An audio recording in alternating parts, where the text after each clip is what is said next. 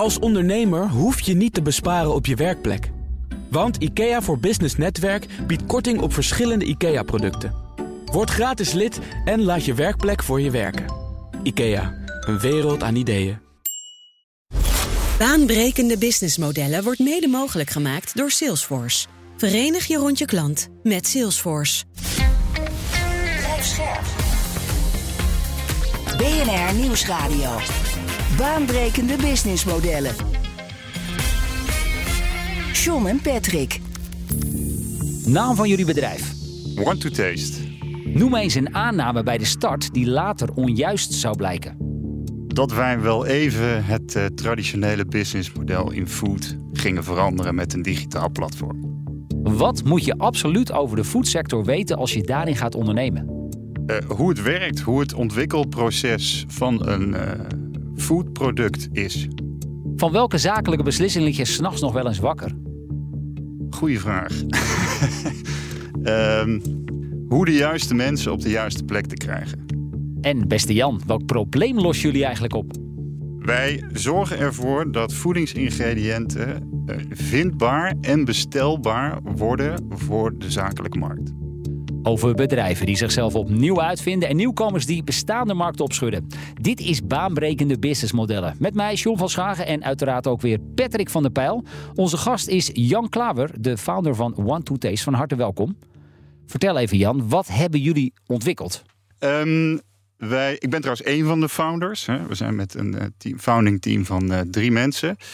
Wij hebben het eerste platform uh, wereldwijd ontwikkeld waar foodproducenten hun ingrediënten kunnen, niet alleen kunnen vinden, maar ook kunnen bestellen.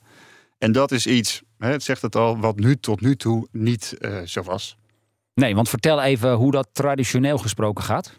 Ja, dat is een heel. Je begon al hè, met. Uh, het gaat met. Uh, het is een heel traditionele markt. Je begon al met. Uh, het gaat vertegenwoordigers bijvoorbeeld. die, die de weg op gaan. Hè. Zo gaat het al. Al decennia.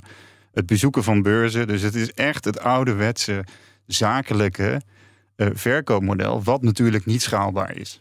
En dan moeten we ook even de spelers onderscheiden. We hebben aan de ene kant hebben we de leveranciers. En wat leveren zij dan bijvoorbeeld? Dus wat voor soort producten? Waar hebben we het over?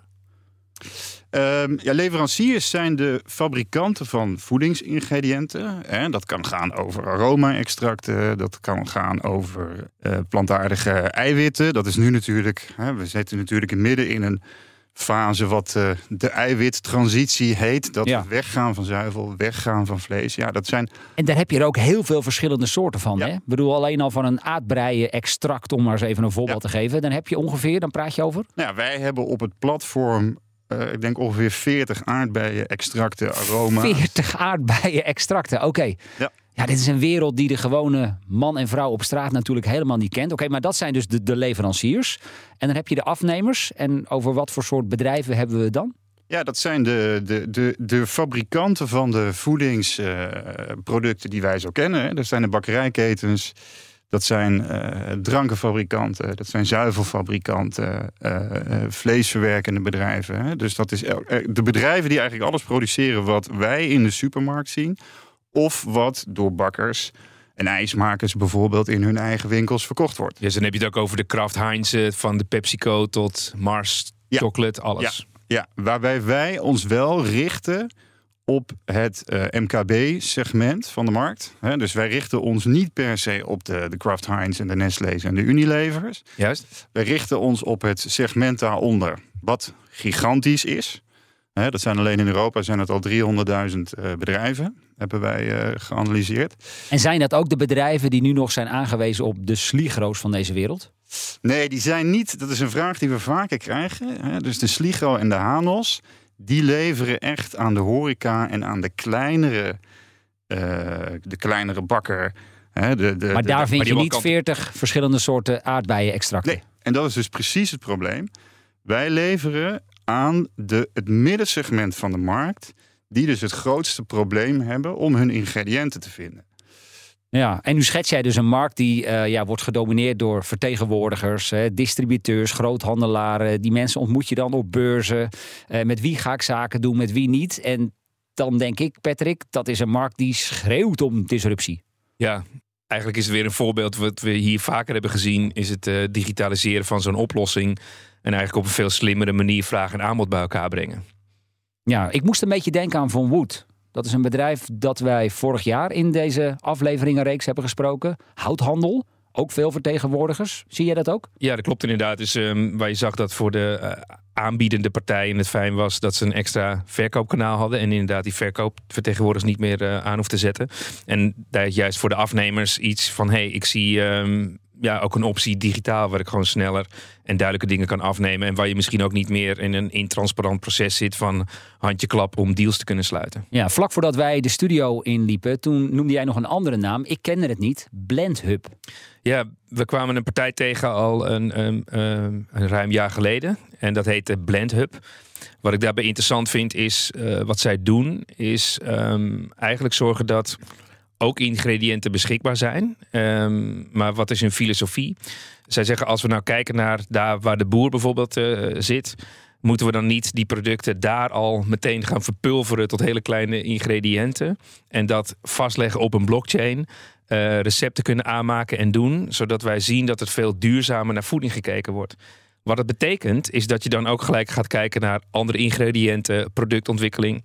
En op dit moment staan zij op de beurs in Las Vegas samen met Siemens, omdat Siemens zo'n apparaat heeft ontwikkeld. Ja, de 6 is dat hè? Ja. Ja, dus ik dacht ineens uh, bij jou, Jan. Ik denk, hey, benieuwd hoe jij kijkt naar uh, Blendhub en die hele ontwikkeling. Want je ziet eigenlijk dat die hele keten dan aan het uh, beet gepakt wordt. Dus eigenlijk vanaf de bron tot verder. En dat je ziet losse componenten of ingrediënten weer samenkomen tot weer hele nieuwe producten. Ja, wij kunnen hun overigens. Dus uh, uh, het, is, het is een ander concept in een, in, een, uh, in een markt. Het is natuurlijk een hele grote markt. Dus ja, wij verwelkomen alleen maar meer partijen die dit doen.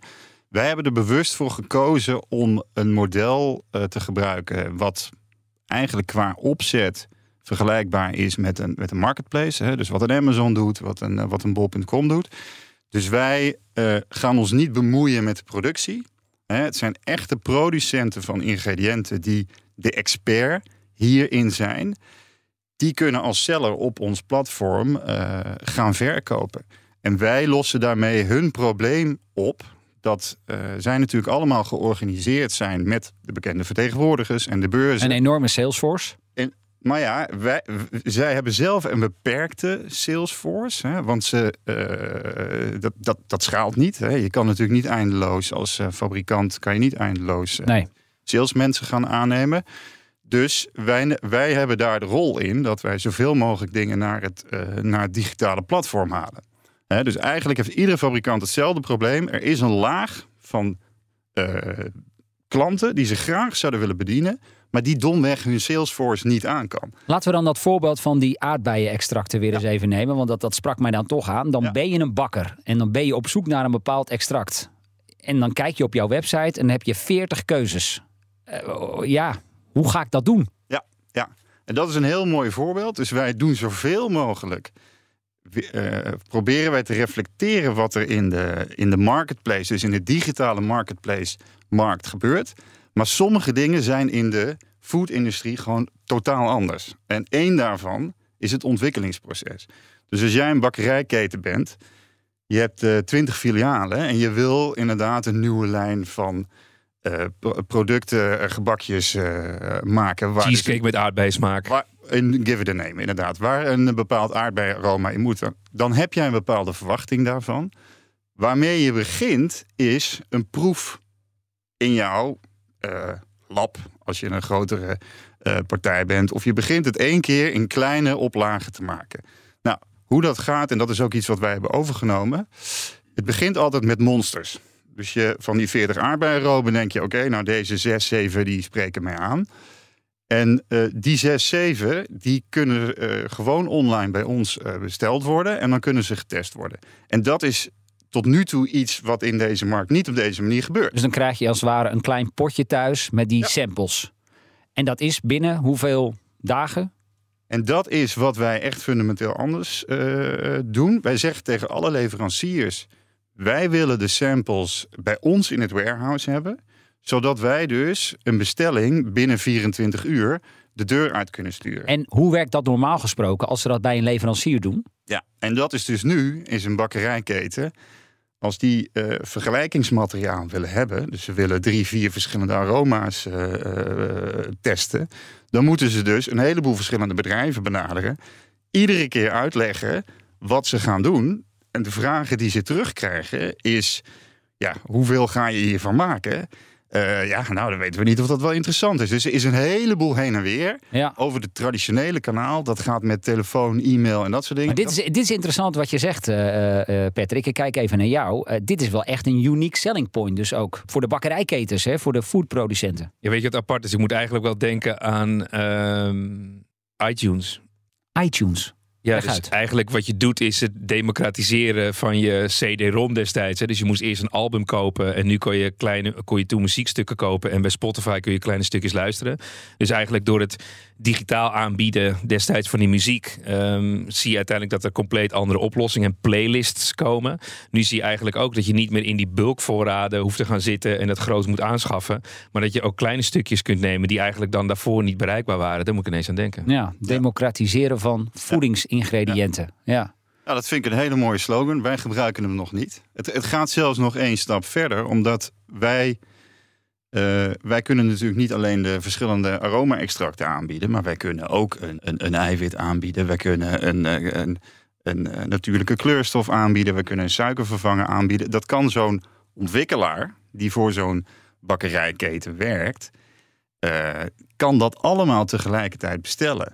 Ja, dat is, dat is gewoon uniek in de markt. En dat wordt ook heel erg gewaardeerd door die ontwikkelings. Over die bestellingen, wat kun je zeggen over de orderwaarde? Want ik kan me voorstellen dat het voor jullie wel ja, heel relevant is. Dat die, ja, dat moet niet centenwerk zijn. Nee, dat is het ook niet, gelukkig. Nee. Dus dat gaat wel in de. Als we het over het algemeen, het hele gemiddelde, dat gaat echt wel in de duizenden euro's. En daar, daar heb je uitschieters naar de bovenkant. Hè. Het een is natuurlijk, wat is de prijs van een ingrediënt? En wat is het volume daarvan? Wij verkopen bijvoorbeeld vanille. Eh, ja, een kilo vanille wat je koopt, dat gaat richting de 300 euro. Eh, dus dat is natuurlijk een heel eh, duur ingrediënt per, per, per kilo. Dus het, het, ordewaardeverhaal is eigenlijk niet het grootste probleem voor ons. Ja, niet je grootste probleem. Wat is dat dan wel? Ja, dat ehm, is er één grootste probleem. Kijk, wij hebben, en dat hebben een heleboel bedrijven. De uitdaging is natuurlijk mensen. Hè? Die, ik zei het in het begin al, de, de juiste persoon op de juiste eh, plek. Dat, dat, is de, dat is echt de grootste uitdaging die we hebben. Het is natuurlijk voor iedereen lastig om mensen te vinden. Wij brengen ook nog eens twee werelden bij elkaar die totaal anders zijn. Het is de digitale wereld van de platformen, van de marketplaces. En aan de andere kant de eh, foodwereld met eh, voedingsmiddelen, technologen, ontwikkelingsprocessen. Dat zijn traditioneel eh, werelden die niet met elkaar praten. En dat, ja, dat, is, dat is een uitdaging in, binnen ons bedrijf, maar ook binnen onze klanten en onze leveranciers en partners om dat allemaal bij elkaar te brengen. BNR Nieuwsradio. Baanbrekende businessmodellen. Met deze keer het verhaal over One to Taste. Zometeen meer, maar nu is het weer tijd voor een ander businessmodel in de spotlights. En daarvoor reizen we weer eens af naar China. Je hoort John Lin. Ja, ik wil het dit keer hebben over DJI, de grootste dronemaker ter wereld. Waarschijnlijk heb je die dingen wel eens gezien in de winkel en ze worden hier vooral gebruikt voor fotografie en voor vakantie en filmopnames. Ja, hier in Nederland nog niet zo bekend, maar zet je schrap. We hebben het hier over een bedrijf met een wereldwijd marktaandeel van 70% En wat hun zo uniek maakt, is dat zij compleet verticaal geïntegreerd zijn. Eh, dus denk aan de motoren, de propellers, de software, eh, de draagconstructies, de accu's. Zij ontwikkelen alles binnenshuis. Dus het is een extreem eh, research en development gefocust bedrijf. Wat je ziet met de westerse partijen, dus eh, GoPro heeft het ook een tijdje geprobeerd. Zij kopen toch onderdelen in, weer uit China, motoren, accu's, eh, propellerbladen laten ze anderen designen. En DJI doet dat helemaal zelf. Eh, en zij zetten het daarna het ecosysteem ook open. Dus je hebt allemaal weer derde partijen die accessoires ontwikkelen voor die drones. En John zei het net al, zeg je in Nederland drones, dan denk je waarschijnlijk meteen aan fotograferen en die kleine consumentendrones voor rondom je huis. Maar als je in China kijkt, dan zie je drones die in constructie worden gebruikt. Dus denk aan boeren die zaden verspreiden, boeren die pesticiden spuiten op hun land. Uh, zonnepanelen die worden geïnstalleerd door bouwbedrijven. Dus die drones die tillen 30 tot 100 kilo op. En die brengen zij naar plekken waar ze nodig zijn. Pakketjes bezorgen, maaltijden bezorgen, dat doen die drones van DJI allemaal. Uh, zij werken ook heel nauw met de overheden en de, en de wethouders om de reguleringen zo scherp mogelijk te houden om op dit soort innovaties toe te staan. En het leuke is wat je ziet is dat die boeren ook extreem geholpen worden. Want voor hun is een grote tractor kopen van een paar ton niet te doen. Maar zo'n drone van een paar duizend euro biedt hun wel ineens de uitkomst. China-deskundige John Lin was dat. Wij praten verder met eh, Jan Klaver van One to Taste, een online ingrediëntenplatform voor foodproducenten. En Patrick, jij had nog een prangende vraag, zag ik. Ja, en als je daar denkt over um, One to Taste, wat ben je dan eigenlijk? Want ben je dan een platform waar je vraag en aanbod faciliteert, zodat je die grote volumes kan uh, draaien? Of ben je ook een innovatielab, omdat je zegt: um, ik ben degene die helpt om de nieuwe ontwikkelingen op gebied van uh, producten, food uh, te organiseren? Nou ja, ik, ik, denk dat wij die rol zeker wel hebben. Hè. We zitten natuurlijk als bedrijf, en dat, dat is, is niet altijd overal even bekend. Wij zitten in Wageningen. Uh, in het hart van de Food Valley. Wageningen is inderdaad het hart van Food Valley, waar ook de organisatie is voor het stimuleren van de foodsector uh, en foodontwikkelingssector in Nederland. Die zitten naast ons. Um, wereldwijd heel erg hoog aangeschreven. Er gebeuren ontzettend veel dingen als het gaat over food gezonder te maken, duurzamer te maken. Um, om die hele eiwittransitie te faciliteren waar ik het net over had. Maar ik zeg het altijd heel simpel. Als iemand, een zuivelfabrikant, een alternatief wil maken wat plantaardig is, en of dat nou een ijs, een kokeroom of een yoghurt is, als jij je ingrediënten niet vindt en niet kan bestellen, ja, dan houdt de innovatie op. Dus dan kan het nog zo, kunnen er nog zo mooie concepten uh, verzonnen worden aan beide kanten. Hè? Dus, maar als je die vraag en aanbodkant niet bij elkaar kan brengen, ja, dan, dan houdt het gewoon op. Dus die rol zien wij zeker wel wat mij altijd opvalt aan uh, platformen, of wat eigenlijk een, uh, misschien een uh, bijna wel regel is, is dat die aanbodkant uiteindelijk ook heel eenvoudig wordt gemaakt. Bijvoorbeeld bij um, Uber, omdat je weet, we noemen dat zeg maar zo'n value trigger. dus wat is duidelijk dat je weet wat het kost en wat de aanrijdtijd is. Uh, we zien het ook op andere platformen. Hoe zie jij dat ontwikkelen voor One to Taste? Gaat het uiteindelijk naar dat je misschien maar drie aardbeiensmaken krijgt? Of dat je in de ingrediënten een bepaalde categorieën krijgt? Nee, ik, ik, denk eigenlijk dat, dat het zeker niet minder, maar het zal zeker steeds. Ik denk dat het steeds meer uh, gaat worden, meer, uh, meer ingrediënten. Kijk, nu is het al zo dat je, wat ook uniek is online, je kan alle informatie vinden. Om te beginnen is het een open platform, dus je ziet van de meeste producten de prijzen. Dat is in B2B zeker niet normaal. dus er staat gewoon bij: dit is de prijs, prijs per kilo, prijs per liter. Um, daarnaast uh, kan je gewoon alle documentatie downloaden. Dus je ziet alle specificaties. En wij gaan ook steeds verder op, op filters bijvoorbeeld. En uh, wat we nu gelanceerd hebben, eind vorig jaar kan ik nu zeggen, uh, is onze eh, AI Copilot. Waarmee wij dus, uh, ja, die werkt zoals we allemaal ChatGPT kennen. Die werkt ook technisch op de technologie van OpenAI, maar op onze database en informatie. Dus niet alleen wat er online staat, maar ook wat er in allerlei technische specificatiesheet staat. En zo. Ja, dus eigenlijk zeg je dat die complexiteit niet gereduceerd wordt, omdat er nog steeds veel meer uh, aanbod steeds zal blijven komen. Alleen door die filters toe te passen, dat is één. En twee, door het met ChatGPT te kunnen doen, uh, maak je het voor de gebruiker uh, ja. eenvoudiger. Dus ja. dan is het inderdaad wel een um, toepassing daarvan. Interessant. Ja. Dus het is echt het digitaliseren van, van, van eigenlijk wat er nu al gebeurt. Jan, we hebben het nog niet gehad over jouw verdienmodel. Wat kun je daarover zeggen? Kijk, we doen een heleboel dingen uh, niet zo heel traditioneel. Ons verdienmodel is dat, denk ik wel. Uh, wij, ons verdienmodel is net zoals een heleboel groothandels en distributeurs, waarmee wij dus ook concurreren, doen. Uh, we, hebben, we hebben een marge. Hè. Wij kopen in voor een bedrag en daar komt een marge bovenop en dat verkopen wij. Maar koop je het in op order of heb je het op voorraad? Wij, uh, dat is een goede vraag. Hè? Wij, ja, wij hanteren... iets, iets, met cashflow heb je dan geloof ik wel even te maken. Kijk, wij zijn een start-up. Wij bestaan vier jaar.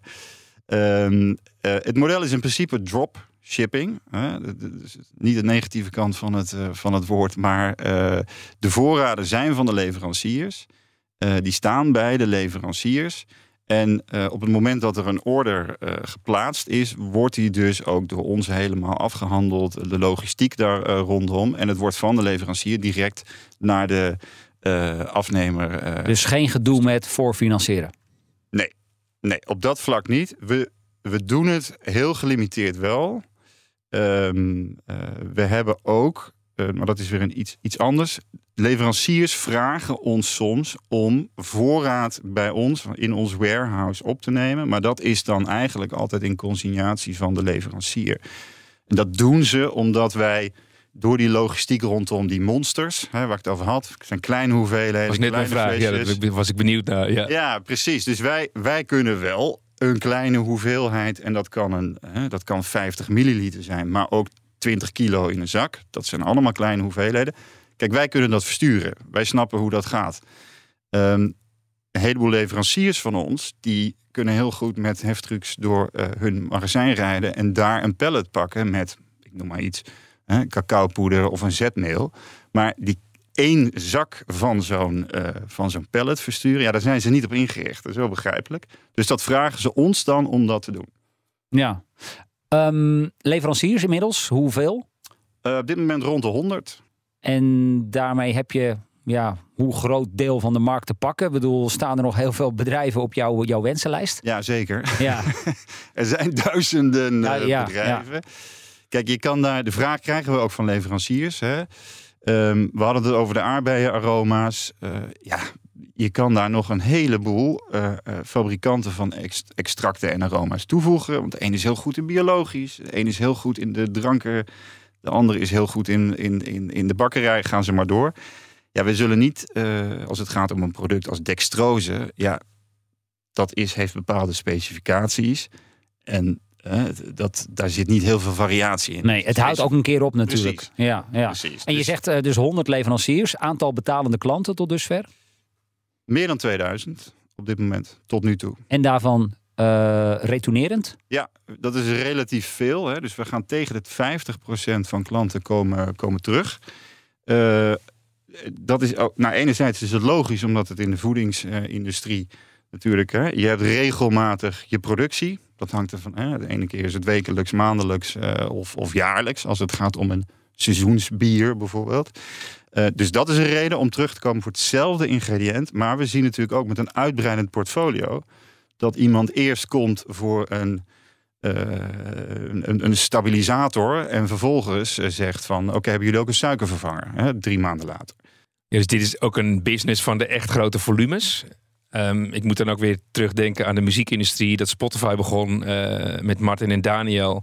Die gingen toen eh Björn van ABBA strikken. Dus die dachten, als we iets kunnen strikken en een ingang vinden in de markt, eh, dan is hij dat. Hoe hebben jullie dat gedaan? Want uiteindelijk, je hebt een nieuw platform en je gaat door die transparantie. Hadden jullie van tevoren gezegd van, hé, hey, we hebben een minimaal plat eh, volume. En waarom ik dat vraag is, Anders gaat natuurlijk één iemand ehm, naar je website die denkt, nou, dit is het niet. Of, en dan ben je ze meteen ook kwijt en dan komen ze minder snel weer terug. Ja, we zijn begonnen met rond de 10 leveranciers. Ehm, ja, je moet als platform, als marketplace, eh, het is niet anders dan als je een marktkraam hebt. Je moet iets te verkopen hebben, want anders is natuurlijk weinig eh, reden om daar naartoe te gaan. Dus eh, we zijn toen vrij gefocust begonnen hè, met ingrediënten voor de meer zoete markt. Dus bakkerij, drankenfabrikanten, dat soort zaken.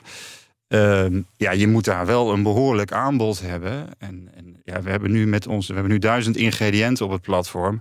Ja, dat, dat moet tien keer zoveel worden over de komende eh, jaren. En hoe ging dat? Want dan ehm, komt Jan binnen en Jan zegt, ik heb een platform en die gaat al jouw problemen oplossen. Wat, wat is de propositie voor die eh, leveranciers? Ja, die leveranciers die, die, die willen heel graag meer leveren aan dat net even kleinere segment dan wat ze traditioneel eh, bedienen. En dat is voor wat klein betekent, is voor iedere leverancier wat anders.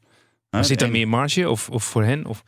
Ehm, daar, zit, daar zit, omdat de volumekortingen natuurlijk iets minder impact hebben, zit daar meer marge in. Maar het is vooral dat ze daar meer kunnen verkopen, dus meer orders. Hè?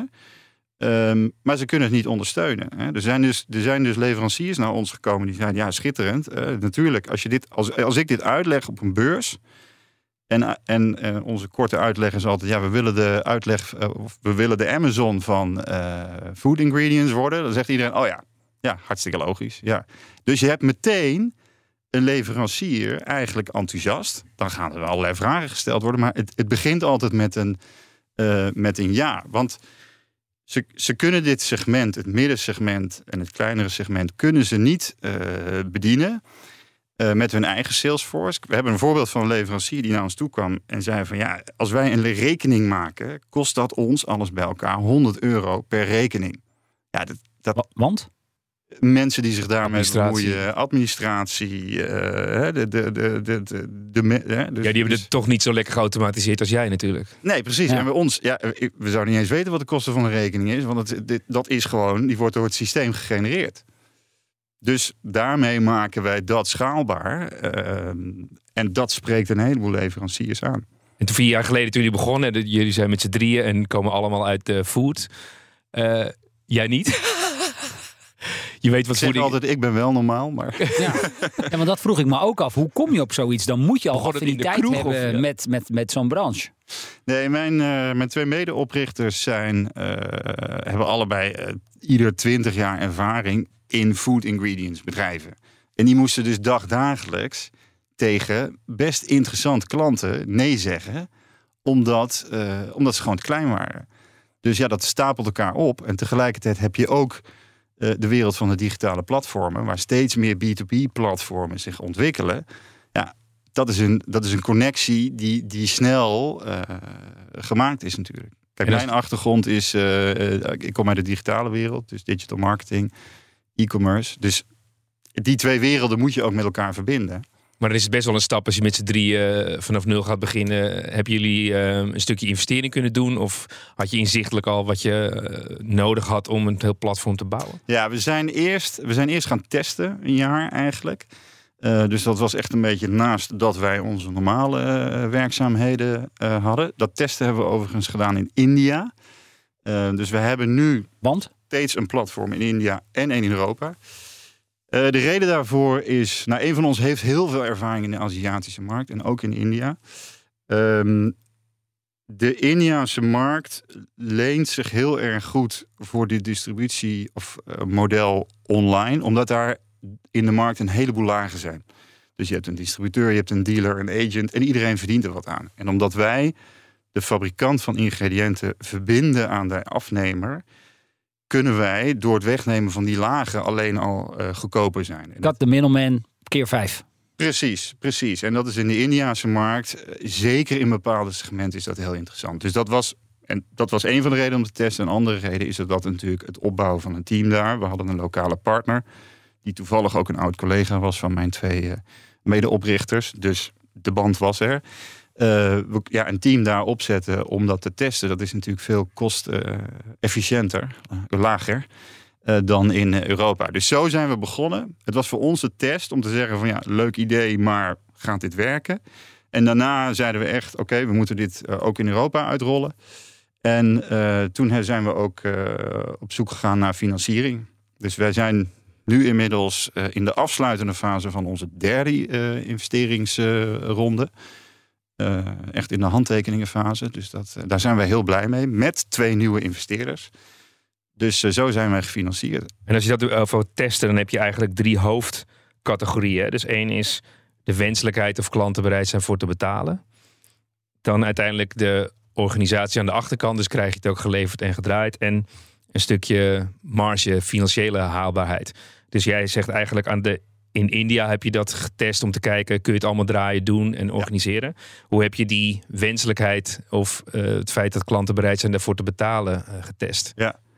Eh, nou, dat, dat uitzicht natuurlijk gewoon in orders. Hè? Dus je, je begint, je hebt een team, je, je hebt een platform. Maar wetende dat je dus goedkoper kan. Een, Ja. Dat was de grootste aanname in je platform om die business te Nou, kunnen dat was starten. niet de grootste aanname. De grootste aanname, en dat, dat is, hè, dat, dat blijkt ook nu, eh, eigenlijk zowel in India als in Europa, dat het kunnen vinden van het ingrediënt en het kunnen bestellen meteen, dat is gewoon het Het allerbelangrijkste. is ook nog beschikbaarheid. Dus dat je als je bestelt, dat je het ook kan Ja. krijgen. Ja, ja, want India is natuurlijk een gigantisch land hè, met een heleboel grote steden, maar ook een heleboel kleine steden. We zien met name dan in de kleine steden, ja, als jij daar een bakkerijketen hebt, ja, dan is het niet zo heel erg makkelijk om daar ingrediënten te vinden die net even wat buiten eh, het, het normale gaan. Ja, er komen geen vertegenwoordigers elke dag nee, even langs. zeker niet.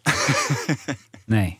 Ik stelde jou helemaal aan het begin de vraag: welke aanname heb je later eh, nou, heb je moeten bijstellen? Toen zei je, ja, wij dachten wel even dat we dit hele businessmodel gingen, eh, op de schop gingen gooien. Wat bedoelde je daar precies mee? Ja, ja leuke vraag. Ehm, wij, wij zijn natuurlijk eh, begonnen met dit concept. En we dachten van oké, we, we zetten hier een digitaal platform neer. Een digitale marketplace. En wij duwen dit wel even in aanhalingstekens naar, naar digitaal. Maar wat we gaandeweg hebben gemerkt is dat om succesvol te zijn, moet je zoveel mogelijk je eigenlijk aanpassen aan de, de customer journey van de klanten. Nou, dit klinkt zover heel erg logisch. Eh, wat betekent dat je dus precies dat moet doen wat een eh, ontwikkelaar in, eh, in een foodbedrijf nodig heeft. Dus het verhaal van de samples, het verhaal dat, dat, je, dat dat snel is, dat het een meerdere aanbod is, dat je voor bepaalde ingrediënten, ondanks het feit dat er prijzen staan, dat je daar toch ook een, een aanvraag kan doen voor een offerte. Als jij een afwijkende hoeveelheid hebt. Al dat soort zaken die, die echt specifiek zijn voor de, voor de voedingsindustrie, die moet je wel weer spiegelen in je, in je eh, online eh, platform. Dus nog één, nog één ding bij eigenlijk, dat wij eh, ja, we zijn een online platform, maar we hebben ook een, een, wat, ja, een bijzonder ervaren eh sales team ook, die, eh, die, die er is voor het beantwoorden, niet alleen voor het beantwoorden van vragen, want we krijgen voor driekwart van alle orders is er van tevoren nog wel even een vraag. Drie kwart. Maar dat kunnen hele korte vragen Dat zijn. is hartstikke veel. Ja, dat is heel veel. En dan krijg je Jan op de zou, eh, WhatsApp of niet? Daar, daar zouden ze bij, krijg je mij niet op de WhatsApp. daar zouden ze bij Coolblue eh, zouden ze er echt Gek wel van wakker liggen. Ja, klopt, klopt. Maar het is het gros van die vragen zijn eigenlijk vragen die, die je ook had kunnen lezen. Hè, zo van, is dit aroma-extract een vloei, vloeibaar of een poeder? Eh, maar sommige vragen zijn ook net even een niveautje verder. Zo van, ja, kan dit wel oplossen in, in, in, alcohol? Of kan dit, eh, is dit water oplosbaar, dit, eh, dit, als het gaat om een drankenfabrikant? En het zijn vragen die vrij makkelijk te beantwoorden zijn. Maar het, het he- geeft wel het vertrouwen dat er dus aan de andere kant iemand zit die verstand van zaken heeft. Ja, ja. ja, dus misschien de stap van een, een oer-traditionele markt naar volledig digitaal is dan nog net even te Ja. groot. Ja. Aan de andere kant, Patrick, ja, je wilt schalen en dan kun je al die contactmomenten er eigenlijk niet bij hebben. Is, is dat nog op te lossen? Ja, alleen ik denk ook wel dat ehm, soms wordt het schalen ook wel een beetje overrated. Hè? Dat het een doel op zich eh, gaat worden. Ehm, ik, het is meer eigenlijk een uitdaging die je dan een plek moet kunnen geven. Dus ehm, een voorbeeld. We hebben wel eh, projecten gedaan met de drukke, drukkerijbedrijven. En die gaven dan aan bij klanten. Ja, je kan twee dagen voor tijd nog orders aanleveren. En anders gaan we dat gewoon niet doen. Ja, en eigenlijk als je weet dat de meeste klanten dat toch nodig hebben op het laatste moment, ja, dan is het aan jou uiteindelijk om die dienstverlening te gaan bieden. Dus ik vind dit ook een goed voorbeeld. Dit maakt wel uiteindelijk dat iemand juist die beslissing neemt om het wel aan te schaffen. Dus ik vind het dan aan het bedrijf om meer op te lossen van hoe gaan we dat doen, in plaats van dat schaal als hoogste middel staat. Maar natuurlijk wel een uitdaging. Ja, misschien werkt het ook wel weer anders in een consumentenmarkt. Daar wil je zo min mogelijk contactmomenten. Alles moet online en B2B, hogere bedragen. Toch nog even een stukje Ja. zekerheid. Ja, het is voor een order van eh 3.000, 4.000 euro niet erg als er drie keer een e-mail overheen en weer gaat. Nee, nee, zo werkt dat. De eerste keer. Ja. En dat zien we natuurlijk ook bij mensen dat ze voor vervolgorders dan denken: hé, hey, dit is handig. Ik ga gewoon naar One to Taste. Ik, eh, ik log in met mijn, eh, met mijn account en ik kan gewoon weer hop, reorder, eh, gewoon klikken en het, en het is geregeld. En dat, dat gaat nu, ja, dat is er nu niet in de markt. En zie je bij jou ook dat je. ehm, We hadden het eerder over zo'n blendhub. En die hebben dan ook die blockchain erachter gezet. Zodat je weet waar die ingrediënten vandaan komen. Welke reis ze allemaal afleggen. Is dat bij jou ook aan de orde? Of gaat dat komen? Of Ja, dat, zit, dat is een van de vele dingen die op de roadmap staat. Hè? Dus wat wij zien is dat er natuurlijk een. eh, eh, je hebt natuurlijk verschillende categorieën in, eh, ingrediënten. Sowieso het meeste wat wij verkopen is natuurlijk. dan heb je natuurlijk biologische ingrediënten en je hebt de ingrediënten die sustainable zijn. Dus dit valt voor ons onder het label sustainable. We hebben ook een mapping gemaakt hoe wij zeg maar, ons verhouden tot de Sustainable Development Goals. Nou, daar zullen we nu niet al te veel over uit, uitweiden. Maar het kunnen traceren van een, uh, van een ingrediënt en daar ook een systeem voor hebben, dat is iets wat op een gegeven moment zal, uh, zal komen bij ons ook. Jan Klaver van uh, One to Taste. Dankjewel voor jouw komst naar de studio en heel veel succes met uh, die verdere roadmap. En tegen de luisteraars zeg ik dat wij er uh, uiteraard volgende week weer zijn. Nou, al onze andere afleveringen over het bedrijf dat het tandenpoetsen opnieuw uitvindt en Blue Ocean Strategy bijvoorbeeld, die vind je in onze podcastfeed. Abonneer je gewoon even, dan krijg je een seintje als er weer een nieuwe voor je klaarstaat. Dag. Baanbrekende businessmodellen wordt mede mogelijk gemaakt door Salesforce. Verenig je rond je klant met Salesforce. Een kleine update maakt een wereld van verschil. Daarom biedt IKEA voor Business Netwerk gratis snelle interieurtips en ideeën. Word gratis lid en laat je werkplek voor je werken. IKEA, een wereld aan ideeën.